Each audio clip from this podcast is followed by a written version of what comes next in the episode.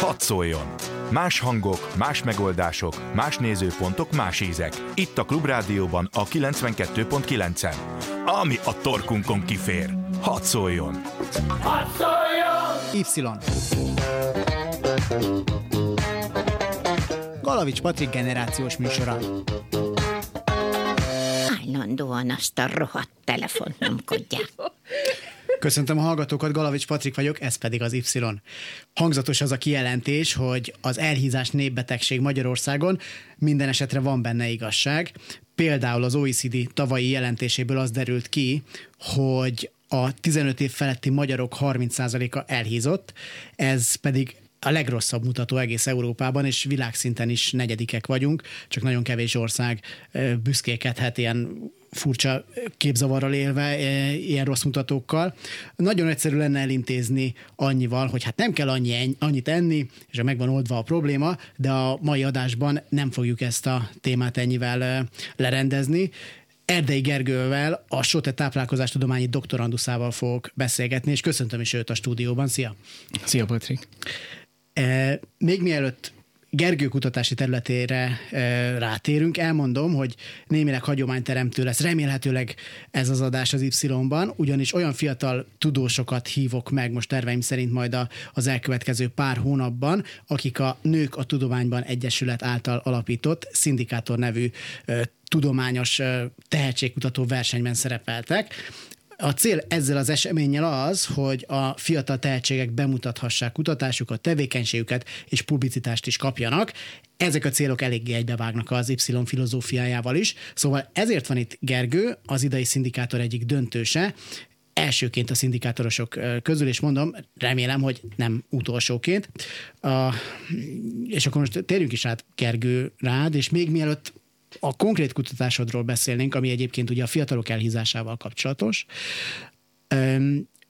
A szindikátornak a YouTube-on volt egy, volt minden indulóról egy YouTube, YouTube videója, egy rövid bemutatkozás, és a, a rövid bemutatkozás alá az volt írva, hogy minden tünetét átélted te is az elhízásnak, és ezért is kezdtél alapvetően ezzel foglalkozni. Mit jelent ez, a, ez amit odaírtak a, a szervezők, vagy amit lehet, hogy pont te fogalmaztál meg, hogy minden tünetét átélted a, az elhízásnak?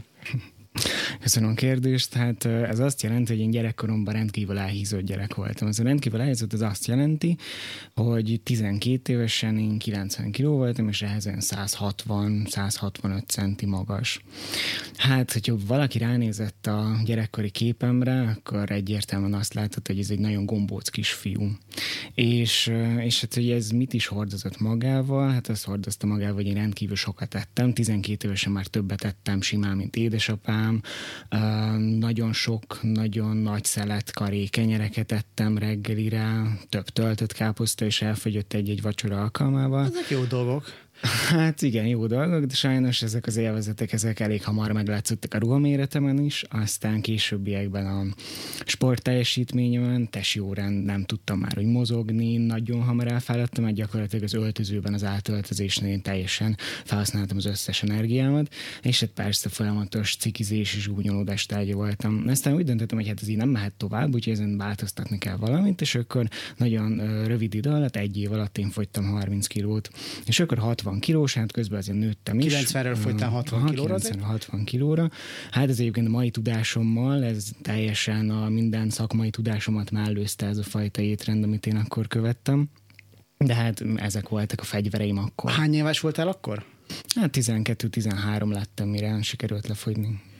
Azért ennyi idősen ö, ekkora fogyást elérni, szerintem erre nagyon sokan büszkék lennének, hogyha, hogyha lett volna, nem tudom, hogy voltál mondjuk edződ, vagy, vagy valaki, akkor biztos, hogy ma már az Instagramon mutogatna, hogy előtte-utána képeken, hogy, hogy mit értünk el Gergővel. Hogyan tudtál ennyire tudatos lenni, és miket vetettél be? Tehát ehhez tényleg valami, valami tényleg tudás kellett, vagy óriási szerencse, szerencsés genetika?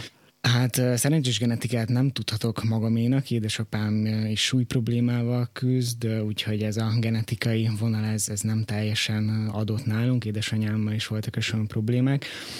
Egyébként nem volt edzőm, és hát egyébként ezzel a súlyjal nem is tudtam volna sportolni, úgyhogy ez kizárólag csak információszerzés a táplálkozásból, táplálkozásról. Tehát ezek az információk azok, amik elindítottak azon a vonalon, hogy megnéztem, hogy mit érdemes enni, miket kellene jobban mellőzni az étrendből, és hát ezzel az étrenddel sikerült fogyni azért nagyon sok, nagyon sok kilót, de egyébként ezt a későbbiekben éreztem, hogy ezt meg kell tartani ezt a súlyt, és hát ez nem ment annyira könnyen, úgyhogy mindennapjaim részévé vált ez a táplálkozási forma. Még először az érdekel engem, hogy mivel sikerült 90 kilót összeszedni. Tehát 11 évesen azért az is egy teljesítmény, nem csak a fogyás. hogy azért 90 kilós 11 éves gyerekeket nem nagyon szoktam látni, de azért, azért az egy amit, valamit nagyon-nagyon elronthattál. Mhm. Hát sportolás ez nem volt.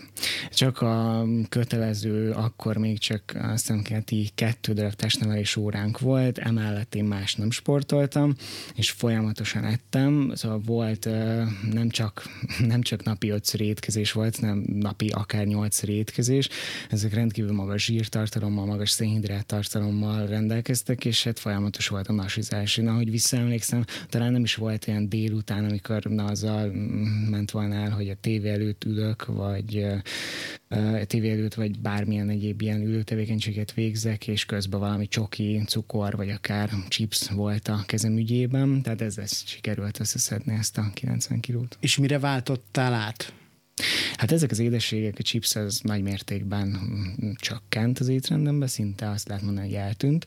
Helyette sokkal több zöldség gyümölcs jött be, bejött a képbe a teljes körésű gabona alapú élelmiszer, teljes körésű kenyér, teljes körésű zsömle. Bocs, ezért 12 évesen egy ilyen döntést meghozni, meg aztán így utána nézni, azért az nem, nem egy mindennapi dolog. Tehát ezt, ezt hogyan csináltad?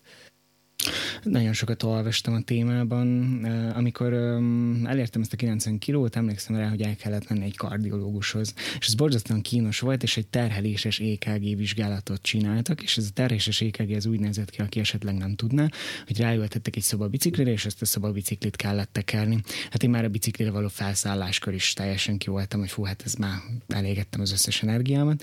És akkor tekerni kellett, hát én izzadtam, és az orvos csak nézett, hogy hát ez így annyira nem jó, nem is annyira tudom megtekerni ezt a biciklit, nem úgy működnek a dolgok, és hát mondta, hogy mindenképpen fogyni kell, de hát ezt nem mondta meg, hogy akkor mégis mit kellene csinálni, és, és akkor emlékszem, hogy ez volt bennem egy ilyen nagyon kemény elhatározás, hogy hát akkor ennek utána kell nézni, hogy mégis mit kell itt tenni annak érdekében, hogy ez változzon ez a helyzet, és akkor mindenféle cikkeket, könyveket kezdtem el olvasgatni.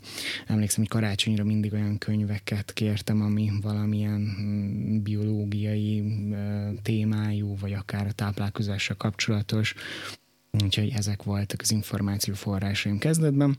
Ezzel amikor már fogytam, és tudtam sportolni, ha nem fulladtam olyan hamar, akkor képbe jött az úszás, a futás, a biciklizés, úgyhogy ezzel, ezzel folytattam a további fogyást. Most nyilván a hallgatók nem láthatnak téged, de azért elmondom, hogy Gergő egy teljesen normális, átlagos testalkatú, sőt, még egy kicsit azt is mondanám, hogy sportos testalkatú srác, tehát hogy hogy hány, hány év telt el ez, e között a kettő között, a látványos fogyás között, és hogy megérkeztél az Y-ba? Hát 15. 15 év eltelt. Azért az igen, tehát hogy de mondtad, hogy, hogy nehéz volt fenntartani aztán mm. azt, hogy megtartani a súlyt, meg megtartani a normális testalkatot te is abba a csapdába eshettél volna bele, amire nagyon sokan panaszkodnak, akik sok súlyt adnak le, hogy nagyon könnyen visszahíznak. Mm. És utána, tehát, hogy meg tudtad tartani ugyanezt a, ezt az önmegtartóztató életszínvonalat, vagy inkább még jobban beleástad magad az egészbe, és már tudtad, hogy hogyan működik a tested jobban, még történt? Hát elkezdtem magam még jobban belásni ebbe a témába. A gimnáziumi évek gyakorlatilag csak erről szóltak, hogy biológia és kémia fakultációkra jártam, ezekkel kapcsolatos versenyekre is mm, szívtam magamba az információt, ami ezen a területen elérhető. És, és gyakorlatilag éreztem is azt, hogy hát ezért most már ide komolyabb információ forrása lenne szükségem, és akkor így így találkoztam azzal a fogalommal, hogy dietetikus. Sajnos én korábban ezzel nem találkoztam azzal a hivatással, és akkor ez elkezdett érdekelni ez a téma, ez a hivatás, és, és hát én így választottam gyakorlatilag egyetemet is, hogy szerettem volna azzá válni, amivel gyakorlatilag egész eddig életemben foglalkoztam, hogy a táplálkozás tudomány területével úgy tudjak foglalkozni, hogy arról van egy papírom is, és esetleg az én tudásomat más emberek is tudják használni. Ugye mondtad, hogy amikor elmentél kardiológiai vizsgálatra, ott a, az orvos elmondta, hogy hát ez így nem lesz annyira jó, hogyha ezt így folytatod, amit, ami van. Volt másfajta motiváció is? Úgy értem, hogy például a, az osztályban csúfoltak-e Például. Természetesen én is gúnyolódás tárgya voltam, mint ahogy nagyon sok más gyerek is, aki küzd a súly problémával. Ez egyébként egy jelentős probléma, és ezzel nem annyira szeretnek foglalkozni az emberek, pedig nagyon sok mentális problémának lehet. Ez egy, ez egy alap problémája, hogy gúnyolódás tárgya a gyerekek. Én azt mondhatom, hogy én ebből, vagy én ezt szerencsére elkerültem, de nagyon sok gyereket érint, és sajnos ez rontja az önértékelésüket, és az önértékelésüket értékelésük rontásán keresztül pedig belásnak egy ilyen ördögi körbe, még többet tesznek, még kevésbé járnak ki, még inkább megfogyatkozik a szociális társadalmi kapcsolataik száma, és így gyakorlatilag többet tesznek, kevesebbet sportolnak, úgyhogy ez tovább mélyül ez a probléma. Tehát te történeted ebből a szempontból sem tipikus. Most azt elmondom, hogy nekünk ott a Fehérvári úton az albéletünkben van egy kedvenc eh, filmünk, a YouTube-on megtalálható, testépítőkről szól, magyar testépítőkről, testépítés feketén-fehéren a címe. Hát nem, nem mondanám, hogy hatalmas filozófiai magasságokat döngetnek ott a srácok benne, de ők is elmondják, hogy ők, ők neki pont általában fordítva volt a problémájuk, ők nagyon vézna gyerekek voltak, és valamit akartak kezdeni magukkal. Füzesi Tibi, Bohos Kornél, Kati Béla, akik ismerik a testi, magyar test testépítő szcénát, azok, azok most, azoknak most felcsillant a szeme, és ők elmondják, hogy ők, hogy ők azért kezdtek el gyúrni, hogy, hogy valahogy kinézzenek, és ne legyenek ilyen, ilyen véznek, te meg te, te történeted pedig nem csak azért atipikus, mert, mert nem sportolni kezdtél el elsősorban, meg nem, nem, nem mondjuk olimpiai bajnokként ülsz itt előttem, hanem a, hanem a tudományos része kezdett el érdekelni, ami, ami szintén egy ilyen, egy ilyen tök teszi a, teszi a történetedet. Mi volt ez a pont, amikor tényleg azt mondtad, hogy, hogy te dietetikus akarsz lenni, vagy, vagy, valag, vagy legalábbis már elhatároztad, hogy ennek a, a táplálkozással, mint, mint szakmával akarsz foglalkozni. Bocsánat, még mielőtt erre válaszolok, muszáj reflektálnom az előbbi felvetés, felvetésedre, szerint vannak olyan férfiak, akik azért kezdenek el a táplálkozással a testükkel jobban foglalkozni, mert nagyon vékonyak voltak. Ez nagyon tipikus, és egyébként ennek tudományos alapja is vannak, van tudományos cikk ezzel kapcsolatban, mi szerint a férfiak akkor kezdenek el inkább a testükkel foglalkozni, amikor vagy túlságosan alacsony a testtömegük, vagy pedig túlságosan magas. Míg a nők esetében szinte mondhatjuk azt, hogy kizárólag csak akkor, hogyha a testtömegük túlságosan magas, és ezzel kapcsolatban meg is jelent egy olyan nagyon érdekes és nagyon szomorú adat, ami azt mutatta, hogy a nőknek a 25%-a körülbelül az egészségben eltöltött életévei számából legalább három évet, míg a férfiaknak a 17-18%-a szintén három évet képes lenne adni azért, hogy olyan testtömege legyen, vagy olyan testalkata legyen, amilyet ő szeretne. Úgyhogy ez egy ilyen nagyon érdekes Hiúk információ. Vagyunk. Mondhatjuk azt, igen.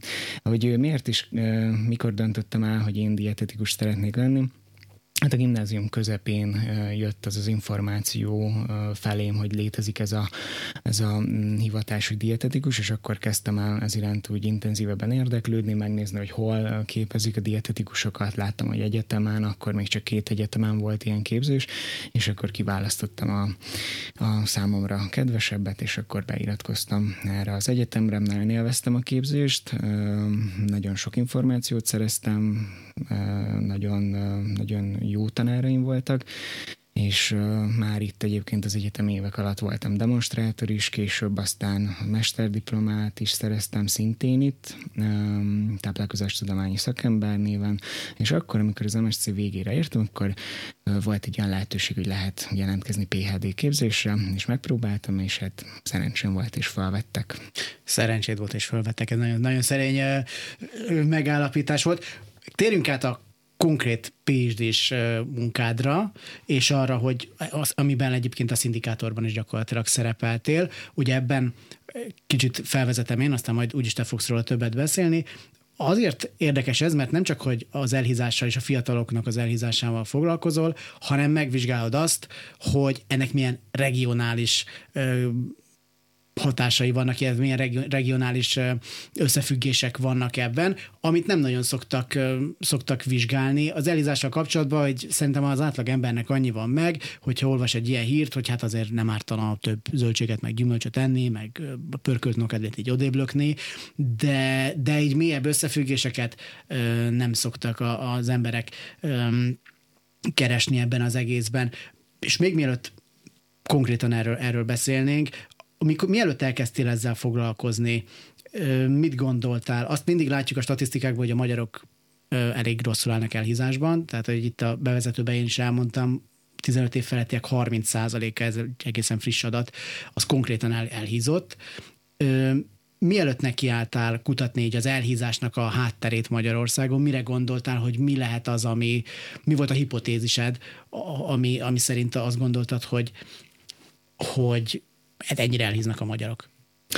Hát itt az sajnos, hogy mit gondolok, és hogy milyen tudást szereztem, itt ez már annyira összemosódott, hogy én nem biztos, hogy ezt így tudom választani, hogy mi volt, mi volt ha. előbb. Uh, mindenképpen meg kell jegyezni azt, hogy rendkívül magas a magyarok körében a zsírfogyasztás, nagyon alacsony a szénhidrátbevitel, és a szénhidrátbevitel esetében azt gondolhatnánk, hogy de hát ez egy nagyon jó információ, hiszen szénhidrátot nagyon sokan összekötik a cukorral. Ez valóban így van, de szénhidrátnak egyéb forrása is például a zöldségek, gyümölcsök és a teljes körül és a gabonafélék is ide tartoznak. Most ezzel megleptél amiből... egyébként, azt hittem, hogy a magyarok két pofára eszik a szénhidrátot. Tehát, hogy, hogy, hogy abban az országban, ahol a, a kakaós csiga az egy ilyen alap, alapreggeli, és én gyerekként majdnem minden nap azt reggeliztem, az, az kapásból egy olyasmi Hát dolog, a ami... szénhidrátok csoportjába tartoznak az egyszerű szénhidrátok, a cukrok, ezekben valóban nagyon magas a lakosságnak a bevitele. Azt szoktuk javasolni, hogy az összenergia bevitelünk legfeljebb 10 energia százalékát tegye ki. Ez mit jelent? Ez mondjuk egy, egy olyan felnőtt férfi esetében, akinek 2000 kilokalóriájára van szüksége egy nap, annak a 10 százaléka az 200 200 kilokalória, ezt lebontva cukor, ez gyakorlatilag 50 g cukor, tehát ez mondjuk két evőkanál cukrot jelent, de ez nem azt jelenti, hogy két evőkanál cukor, amit a teába vagy a kávéba teszünk bele, hanem ez például benne van mondjuk a kakaós csigába is, vagy a túrós batyuba, vagy a csokiba, a nápaiba, stb. Tehát, hogy ezekben sajnos nagyon rosszul állunk, ebből viszonylag sokat teszünk, viszont azokból a szénhidrát forrásokban, mint például a zöldségek, gyümölcsök, teljes körös gabonafélék, ezekből nagyon keveset. Úgyhogy ezek mindenképpen eh, megemlítem teendők, a másik, hogy magas a zsírbevitelünk, és ebben leginkább a terített zsírforrások a jellemzőek. Ezek az állati eredetű élelmiszerekben vannak benne, és mellette meg kell jegyezni azt, hogy a magyarok a sportolás tekintetében hát eléggé rosszul állnak. Van egy olyan, van egy olyan WHO-s adat, ami azt mutatta ki, hogy a magyar felnőtteknek több mint a 80% a sportol rendszeresen. Azt azért meg kell jegyezni, hogy ez egy bevallás alapján történő. 80 rendszer, hát én ezt el nem hiszem. Igen, igen, tehát ez, ez egy bevallás alapján történő adat volt, úgyhogy, és ha, ha megnézzük, egyébként ez nem csak a magyar specifikum, hanem az úgy általánosságban az emberekre igaz, hogyha megkérdezik az embereket arról, hogy milyen magasak és hány kilók, akkor általában sokkal magasabbnak mondjuk magunkat, és sokkal kevesebb kilót vallunk be, mint a valóság, és hogyha megkérdeznek például bennünket arról, hogy milyen rendszeresen sportunk, akkor azt is inkább kicsit felülbecsüljük, mint a valóság. Igen, senki nem szereti bevallani, hogy fotelhuszár, tehát ez, ez, annyira, ez annyira nem néz ki jól, még, még ilyen önbevallás alapon sem, meg anonim alapon sem. A gyerekeket te külön vizsgálod tulajdonképpen, ami szintén nagyon érdekes, mert én is azt mondtam itt az OECD adatra hivatkozva, hogy a 15 év feletti magyarokra vonatkozik ez. Mit látunk a gyerekek körében? Ott azért valamivel jobban állunk? Hát a gyerekek körében azt lehet mondani, hogy a 6-8 éves korosztály tekintetében minden ötödik gyerek súly problémával küzd. Tehát ez a minden ötödik, ez rendkívül magas szám. Európa szerte egyébként nem mi állunk a gyerekkori helyzes tekintetében a legrosszabban. Érdekes módon a legrosszabb mutatókkal a déli országok rendelkeznek, Spanyolország, Portugália, Görögország. A színét pedig, hogy a paeljától nem lehet elhízni. Mi egy ilyen, egy ilyen közepes, tehát rangsorban egy középes, középmezőnyben helyezkedünk el, és egyébként vizsgálták a különböző országok annak átterét, hogy mi áll, mi, mi lát itt a háttérben gyakorlatilag, mert ez a vizsgálat, amiben én részt veszek, ez, ez nem tőlem indult ki, hanem ez egy egészségügyi világszervezet által létrehozott vizsgálat, ami 2007-ben indult útjára, és ebben ma már több mint 40 ország részt vesz, többek között Magyarország is, és én ebbe csatlakoztam be ebbe a vizsgálatba és rendkívül motivált és nagyon lelkes vizsgálatban résztvevő kutató vagyok én is, mint ahogy nagyon sokan mások is ebben a, a, a vizsgálatban részt veszünk Magyarországról, és a különböző országok esetében azt találták, hogy ez vannak regionális különbségek, és miután Magyarországon még ezt így nem, nem nagyon írták le a gyerek esetében, így ezt mi is megvizsgáltuk. És még Magyarországon azt találtuk, hogy a legtöbb súly problémával küzdő gyerek az a Dél-Dunántúli régióban van, míg a legkevesebb itt Közép-Magyarországon, itt ahol mi is vagyunk. Dél-Dunántúl után egyébként az Észak-Magyarországi régió jön. Megvizsgálták, hogy említett más országok is ezeket, és különböző értékeket kaptak. Például a svédek és a norvégok, olaszok esetében, a lengyelek esetében azt találták, hogy egy észak-déli grádiens figyel figyelhető meg. Ez azt jelenti, hogy északon kevesebb a túlsúlyos és az elhízott gyerek, mint például a déli régióban. Aztán a szigetekkel rendelkező országoknál, mint például Portugália, Portugália, Spanyolország vagy Görögország, ott meg azt találták, hogy ott a szigeteken élő lakosok esetében sokkal több a túlsúlyos meg az elhízott gyerek, mint például aki a szárazföldön vagy a félszigeten él. És hát megnézték, hogy mi lehet itt az ok. Bocs, nekem még mielőtt, én nekem van egy olyan tippem, és ezt most egy lehet, hogy már kicsit így a, hírek előtt fogom felvezetni, és lehet, hogy át fogunk a, a magyarázattal csúszni a, a másik, a második részébe az adásnak, de csomó olyan helyet soroltál föl, amiről tudjuk egy-egy országon belül, hogy azok a szegényebb régiók. Tehát Magyarországon Dél-Dunántúlon azért ott van egy jóféle ormánság, és pont egy, egy ismerősöm mondta, hogy Baranyai, aki Kozármislenyben lakik, és hogyha áthajt azokon a, azokon a falvakon, akkor azt mondja, hogy el se tudjátok képzelni, hogy ott mi van.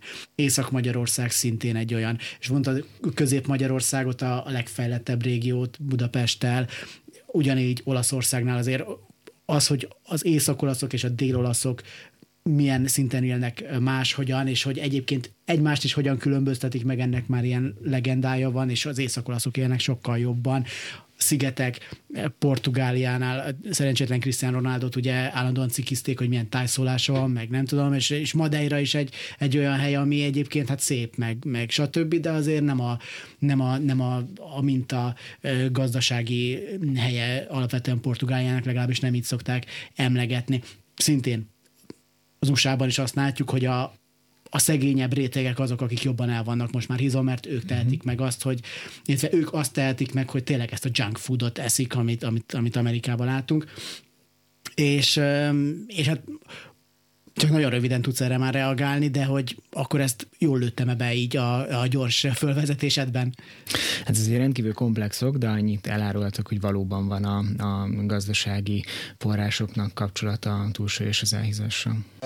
Y. Galavics Patrik generációs műsora. Köszöntöm a hallgatókat, ismét én Galavics Patrik vagyok, és Erdei Gergővel beszélgetünk a fiataloknak az elhízásáról, illetve hát arról, hogy ő a szindikátor eh, tehetségkutatóján hogyan eh, jutott a döntőbe, és milyen témával jutott a, döntőbe, ezt vesézzük ki vele, és itt a reklám előtt, illetve a hírek előtt elkezdtünk arról beszélgetni, hogy mivel Gergő regionális eh, alapon nézi azt, hogy hogy, hogy, hogy híznak el Magyarországon a fiatalok és az emberek, hogy ennek mi lehet az oka, és hogy milyen, milyen összefüggések lehetnek, és én egy hosszú értekezésbe kezdtem itt arról, hogy hát nyilván azt látjuk, hogy a szegényebb régiókban híznak el jobban az emberek, és Gergővel közben itt elkezdtünk arról beszélgetni a hírek alatt, hogy ez tényleg ennyire egyszerű, mint ahogy én ezt megállapítottam, és azt mondja, hogy nem. Hát valóban nem, ahogy az előbb említettem már a híradó előtt, itt a, az egyes területeknek a GDP az nagyban nagy különbséget mutat az egyes területek között, a legnagyobb területi, legmagasabb területi GDP-vel itt a közép-magyarországi régió rendelkezik, és legkevesebbel pedig a dél-dunántúri. Továbbá jelentős különbség van még itt a lakosoknak az iskolai végzettségében is, például itt Közép-Magyarországon a legmagasabb, legalább BSC fokozattal rendelkező lakosoknak az aránya, míg Dél-Dunánton a legkevesebb. Aztán ezt követi például a a háztartásoknak a jövedelme is igen nagy mértékben különbözik a két régióban, és ezeket az adatokat nem csak mi írtuk le, hanem a nemzetközi irodalomban is egyébként ezek között összefüggést találtak, tehát azokon a területeken, ahol sokkal magasabb a túlsúlynak és az elhízásnak a gyakorisága, ott egyébként alacsonyabb területi GDP-t azonosítottak. Ez egyébként más információt ide kapcsolva, itt még jelentős különbségeket lehet felfedezni az egyes régióknak az élelmiszerüzlet áru kínálatában, például Dél-Dunántúlon az élelmiszerüzletekben talán gyakrabban lehet magas cukortartalmú üdítőitalt, csokoládét, magas cukortartalmú édességeket találni, kevesebb zöldség, gyümölcsöt, azokat esetleg magasabb árfekvésben, sport és rekreációs lehetőségeknek a száma igen nagy mértékben különbözik, és ami nagyon izgalmas, és nagyon érdekes adat volt a vizsgálatunkból, az, hogy megkérdeztük a iskola pedagógusokat, hogy milyen, mennyire tartják biztonságosnak a gyerekek közlekedését az iskolába. És azt gondolnánk, hogy itt Közép-Magyarországon talán a legkevésbé biztonságos az iskolába történő közlekedés a gyerekeknek, és nem. A legkevésbé biztonságosnak a Dél-Dunántúri régióban találták a Miért? lakosok a közlekedést. Erre, erre még keressük a választ, hogy miért lehet itt a legkevésbé biztonságos, de ez, ez mindenképpen kijött a vizsgálatunkba, illetve egy másik nagyon érdekes adat, ami azt mutatja, hogy a reggelizésnek a gyakorisága az mit mutat. A legmagasabb reggelizési arány, ez itt a közép-magyarországi régióban figyelhető meg, és hát az egyik legkevésbé gyakran reggeliző régió, az pedig a dél-dunántúri régió. Azt tudjuk, hogy miért nem reggeliznek a gyerekek? Tehát a anyuka, apuka nem foglalkozik velük, vagy nem tud velük foglalkozni, nem akarok feltétlenül rossz, rossz hiszemű lenni, vagy egyszerűen nincsen benne a, a napi rutinban, nem fogják fel, vagy nem, nem tudják sokan, hogy a, a reggeli az nap legfontosabb étkezése. Most lehet, hogy egy táplálkozás tudományi szakember így felkapja a fejét, és egy ilyen elpufogtatott dologra azt mondja, hogy azért ez nem így van, de hogy, de hogy ezt szokták ugye mondani, hogy a, a reggel nap legfontosabb étkezése, és mondjuk ezzel sincsenek tisztában, vagy nem így fogják föl, mi ennek az oka? Valóban nagyon fontos étkezés egyébként a reggelizés. Azt találták, vizsgáltak, hogy azok a gyerekek, akik reggeliznek, sokkal kevesebbet hiányoznak az iskolából, sokkal jobban tudnak figyelni, sokkal kevésbé gyakori az esetükben a túlsúlyos az elhízás. Egyébként az, hogy mi lehet az oka, hogy ebben a régióban kevésbé reggeliznek, hát egyrészt talán a család mindennapi szokásaiban, mindennapi rutinba se épült be az, hogy reggelizni már pedig nagyon fontos. Lehet, hogy a szülők sem reggeliznek, és így nem követik ezt a mintát a gyerekek. Természetesen azt sem hagyhatjuk figyelmen kívül, hogy talán nem jutott el ezekhez a gyerekekhez az az információ, hogy a reggelizés az egy nagyon fontos eleme a mindennapi étkezésnek. Úgyhogy ezekkel kapcsolatban esetben mindenképpen további vizsgálatokra van még szükség. Kicsit azért térjünk vissza a szindikátorba, mert nem véletlenül akartál te oda bekerülni, és nem véletlenül pont ezzel a témával. Te, szintén elkezdtél itt a hírek alatt nekem mondani egy sztorit, amit, ami szerintem érdemes, hogy, hogy élőadásba is elmond. Igen, én azért jelentkeztem a szindikátor programra, mert um, én a uh, doktori tanulmányaim alatt a Szemály Egyetemen uh, vagyok óraadó oktató, és van néhány órám, és az egyik órám az pont hétfőn van öt és fél hét között, és egy hétfő este öt és fél hét közötti óra, ez egyébként eléggé embert próbáló feladat azon a, azon a kurzuson figyelni és részt venni, és hát azt láttam, ez már egy jó pár éve megy ez a kurzus a hallgatóknak, és hát azt láttam a hallgatók szemében, hogy hát nem mindenki van ott teljes mértékben testben és lélekben egyaránt, nem mindenki egyformán figyel, és hát szerettem volna megtanulni úgy előadni, úgy előadásokat összeállítani, hogy, a, hogy ezt minél több ember figyelemmel, érdeklődéssel tudja követni, és akkor így bukkantam bukkantam rá erre a lehetőségre, hogy a szindikátor gyakorlatilag ilyen fantasztikus információkat oszt meg velünk, és nagyon jó szakmai mentorok segítségével tanulunk meg itt előadni, az előadásunkat csiszolgatni. Torlai Balázs, Zsíros László, Róbert és Kraszkózita voltak azok, akik foglalkoztak velünk ez alatt a program alatt, és nagyon jó tanácsokat kaptunk tőlük. Zitának szinte minden nap csenge a fülembe az a mondata, hogy forró szív, hideg fej, így kell előadni, vagy az, amit Balázs mondott mindig, és Laci is, hogy az előadásunk esetében esetében először a fejünkben legyen meg, és csak később kezdjünk el ezekkel kapcsolatban egy prezentációt gyártani. Ezek úgy tűnnek, hogy egy ilyen nagyon mindenki számára nagyon egyértelmű információk, azonban sajnos nem, ezekbe a hibákba gyakran belesünk, hogy hát először elkezdjük szerkeszteni, és csak utána majd akkor kitaláljuk, hogy mit is akarunk mondani, illetve hogy kiállunk előadni, úgyhogy nagyon-nagyon izgulunk, teljesen áborul az agyunk, és közben meg a szívünk teljesen máshol van. Azért kérdeztem ezt meg tőled, mert ugye itt az egyik ok miatt, hogy miért nem az egyik ok, okot, hogy miért nem reggeliznek a dél például a gyerekek, az is, az is lehet az, az okok között, ahogy mondtad, hogy egyszerűen nem tudnak róla. És hogyha visszagondol az ember arra, hogy itt milyen táplálkozással kapcsolatos kampányok voltak ebben az országban az utóbbi pár évben, akkor ezek általában ilyen nagyon egyszerűek voltak, egy ilyen naponta négyszer vagy ötször gyümölcsöt, zöldséget, volt egy ilyen, erre emlékszem, a tévébe is ment, ami hát jó, felhívják a figyelmed, egy-két percig talán emlékszel is rá, de egyáltalán nem biztos, hogy ha legközelebb mész a boltba, akkor ö, agyon vásárolod magad almából, meg sárgarépából. Viszont, hogyha ezt a témát meg lehet világítani úgy, ahogy ti próbáljátok, ilyen emberközpontúan, akár szórakoztatóan, akkor lehet, hogy a Dél-Dunántúra is, meg, a, meg, meg nem csak Közép-Magyarországra, hanem, hanem Észak-Magyarországra is el lehet jutni. Ez a, egyébként ez, ez a cél? Hát egyébként van jelenleg az országban több olyan programbeavatkozás is életben, ami azt a célt szolgálja, hogy a lakosoknak növekedjen az egészséges táplálkozási szokásuk, hogy javuljon az egészséges táplálkozási szokásuk. Például itt a menzerendelet, ami az egészséget szolgálja, az például a mindennapos testnevelés, vagy ide sorolhatjuk például a chipsadót is, nem, úgyhogy ezek mindegyike olyan átfogó beavatkozás, amelyek közös célként azt szolgálják, hogy növekedjen a, a, a lakosoknak az egészség tudatossága.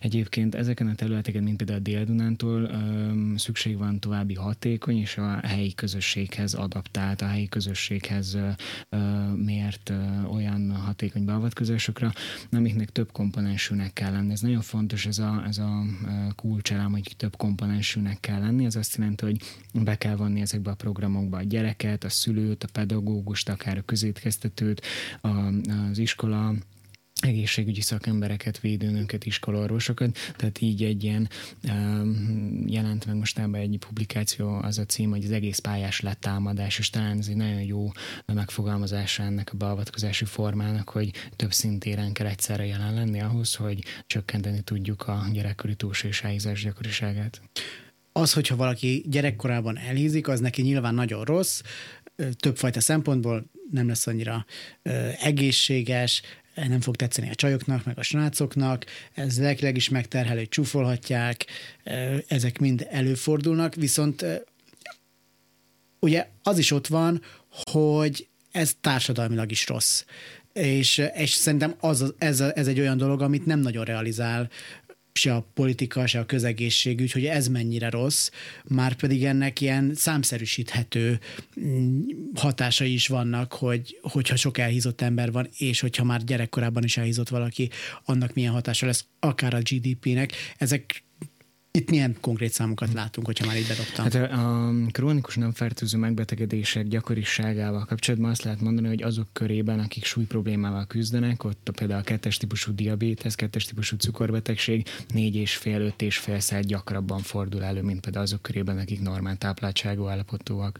Vagy az asztma például 25-ször gyakoribb, vagy a szív- és érrendszeri megbetegedések a túlsúlyosak esetében kétszer, míg az elhízottak esetében tízszer gyakrabban fordulnak elő, mint például a normál tápláltsági állapotúaknál. Nagyon fontos itt megjegyezni azt, hogy azok a gyerekek, tehát ide sorolható mondjuk, ide sorolható vagyok én is, akik gyerekkorukban súly problémával küzdöttek, de a felnőtt korukban már nem. Nekünk még ugyanúgy sokkal nagyobb az esélyünk arra, hogy szív- és érrendszeri megbetegedésben szenvedjünk, bármikor az életünk során, annak ellenére, hogy most már normál tápláltsági állapotú vagyok, és biztosan nagyon sokan vannak még így, de ennek ellenére egyébként ez még továbbra is fennállhat.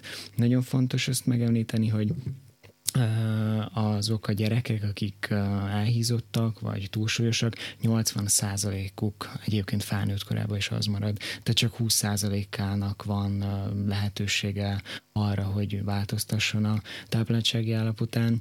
És ahogy kérdezted, hogy a GDP-re ez milyen, milyen hatással van, hát az Európai Unióban a egészségügyi költségvetésnek a 7%-át fordítják egyébként a súlyproblémák miatt a egészségügyi ellátásra. Magyarországon 2012-ben készült egy ilyen becslés, és ez az adat azt mutatta, hogy 207 milliárd forintot költöttek erre, ez a GDP-nek az egy százaléka volt akkor, de ez csak egy becslés, ebben nem tartozik bele például a, a munkahelyi hiányzások, az esetleges többletköltség, amit az étkezésre fordítanak a ruházkodásra, és itt említettem a többlet hiányzásokat. Ez a többlet hiányzás ez rendkívül fontos, hiszen gyerekek esetében vannak olyan tanulmányok, amik azt mutatják, hogy a túlsúlyos gyerekeknek a 27%-a, az elhízott gyerekeknek meg az 54%-a gyakrabban hiányzik az iskolában, mint a normál tápláltsági állapotú.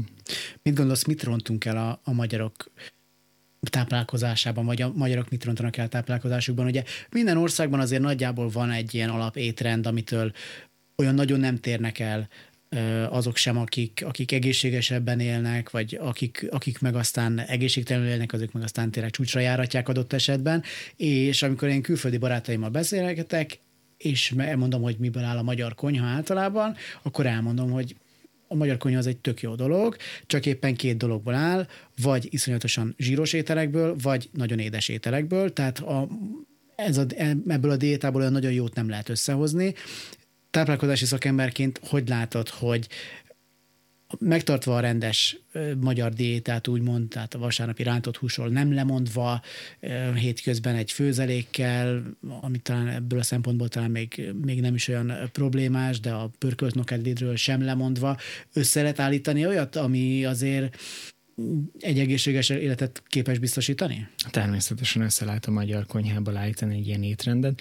Nem kell semmiről sem elmondani, mindennek csak a mértékletesség a kulcsa. Az első nagyon fontos dolog, amire uh, szeretném felhívni a figyelmet, hogy a napi ötször étkezés az rendkívül egy kulcsfontosság az egészséges táplálkozásban.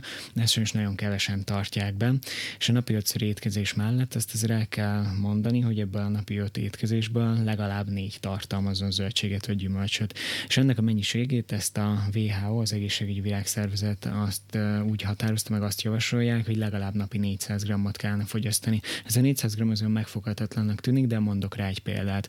Hogyha reggelire eszünk egy szendvicset, ami mondjuk egy teljes körésű zsomle, rajta vékonyan margarinra, rajta valami sovány felvágott, például mondjuk egy csirkemesonka, és eszünk hozzá egy darab paradicsom, ez egy darab közepes méretű paradicsom, ez mindenki számára elképzelhető, hozzá mondjuk egy teljes kávét, egy pohár pohár tejet, vagy egy teát megiszunk, és ezt követően 10 óraira, hogyha eszünk egy almát, ez az alma szintén egy teljesen normál méretű alma, tehát nem kell óriási méretűnek lenni, ebédre pedig mondjuk, ha megeszünk egy adag főzőléket, mondjuk egy adag tudom, hogy a spenót ez nem mindenkinek kedvenc, de pont ez jutott eszembe, de bármilyen más zöldség főzelék jó lehet. Itt mondjuk a krumplit, a burgonyát, ezt nem szoktuk ide számolni a zöldségekhez, de egyébként az összes többiből bátran lehet választani.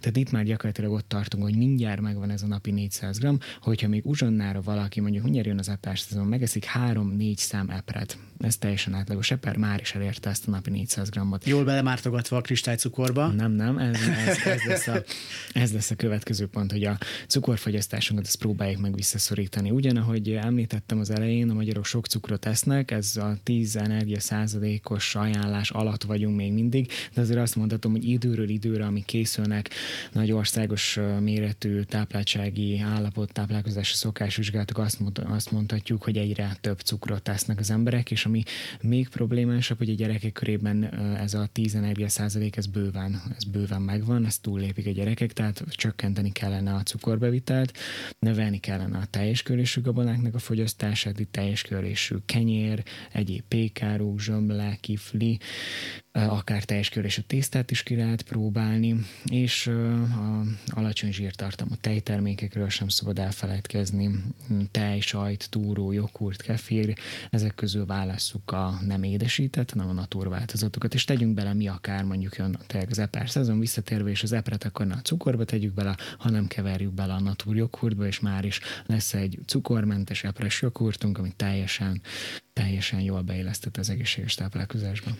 Nagyon sok pro és kontra érvet lehet hallani a különböző divatos diétákkal kapcsolatban, és ez is olyan, mint a, mint a foci, hogy a 10 millió szövetségi kapitánynak az országa vagyunk, egy kicsit a 10 millió dietetikus országa is vagyunk, mert mindenki képes össze vitatkozni azon, hogy a paleo diéta az most akkor az egy szuper dolog, aztán a következő az lehúzza, aztán az Atkins diétától kezdve a nagyon sok minden divatos diétákig ezen össze tudnak szólalkozni az emberek, de most hát mégis megragadom az alkalmat, hogyha már egy táplálkozási szakértővel beszélgetek, nem nagyon szoktam sajnos, hogy te tudsz olyat ezek közül mondani, akár bármelyik divatos diétát, ami, ami jó szívvel ajánlható, és azt mondja erre egy, egy táplálkozási szakértő, hogy igen, ez ez, ez, ez segíti az egészséges életmódot, ez segítheti a fogyást, stb.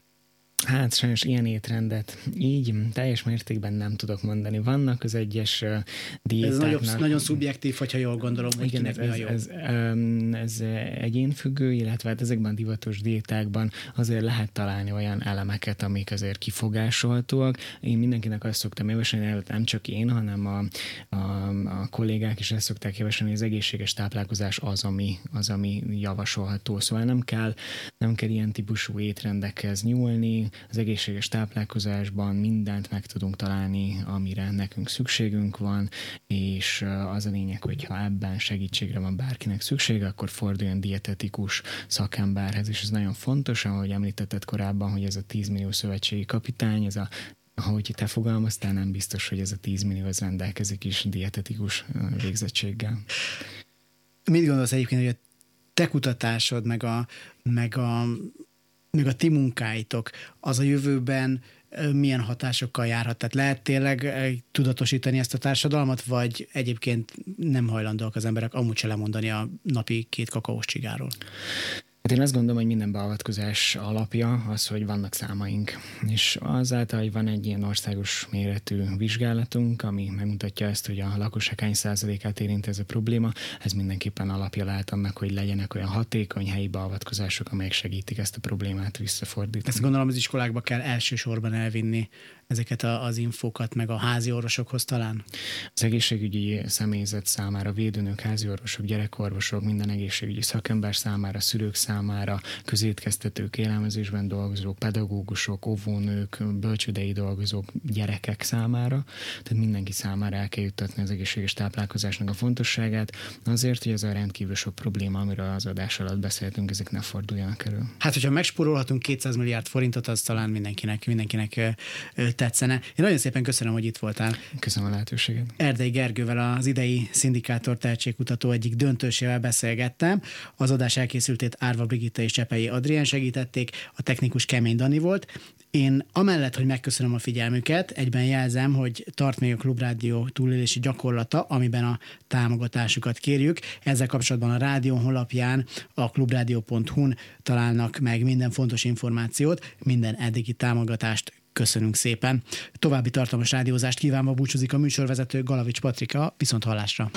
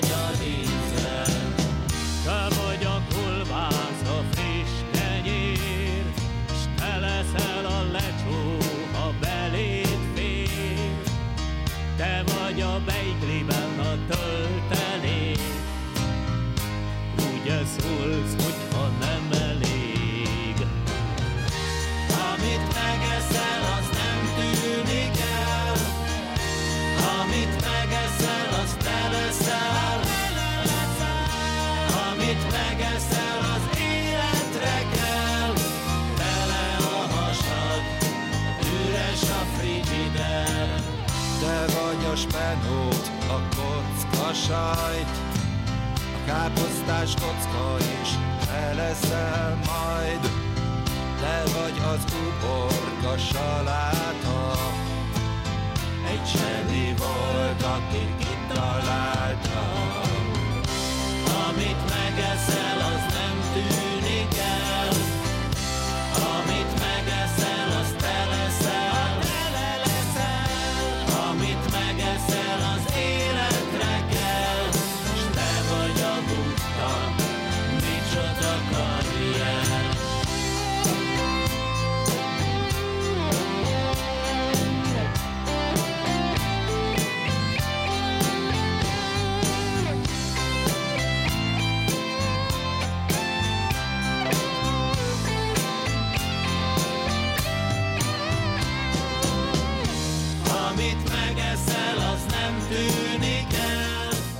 Y.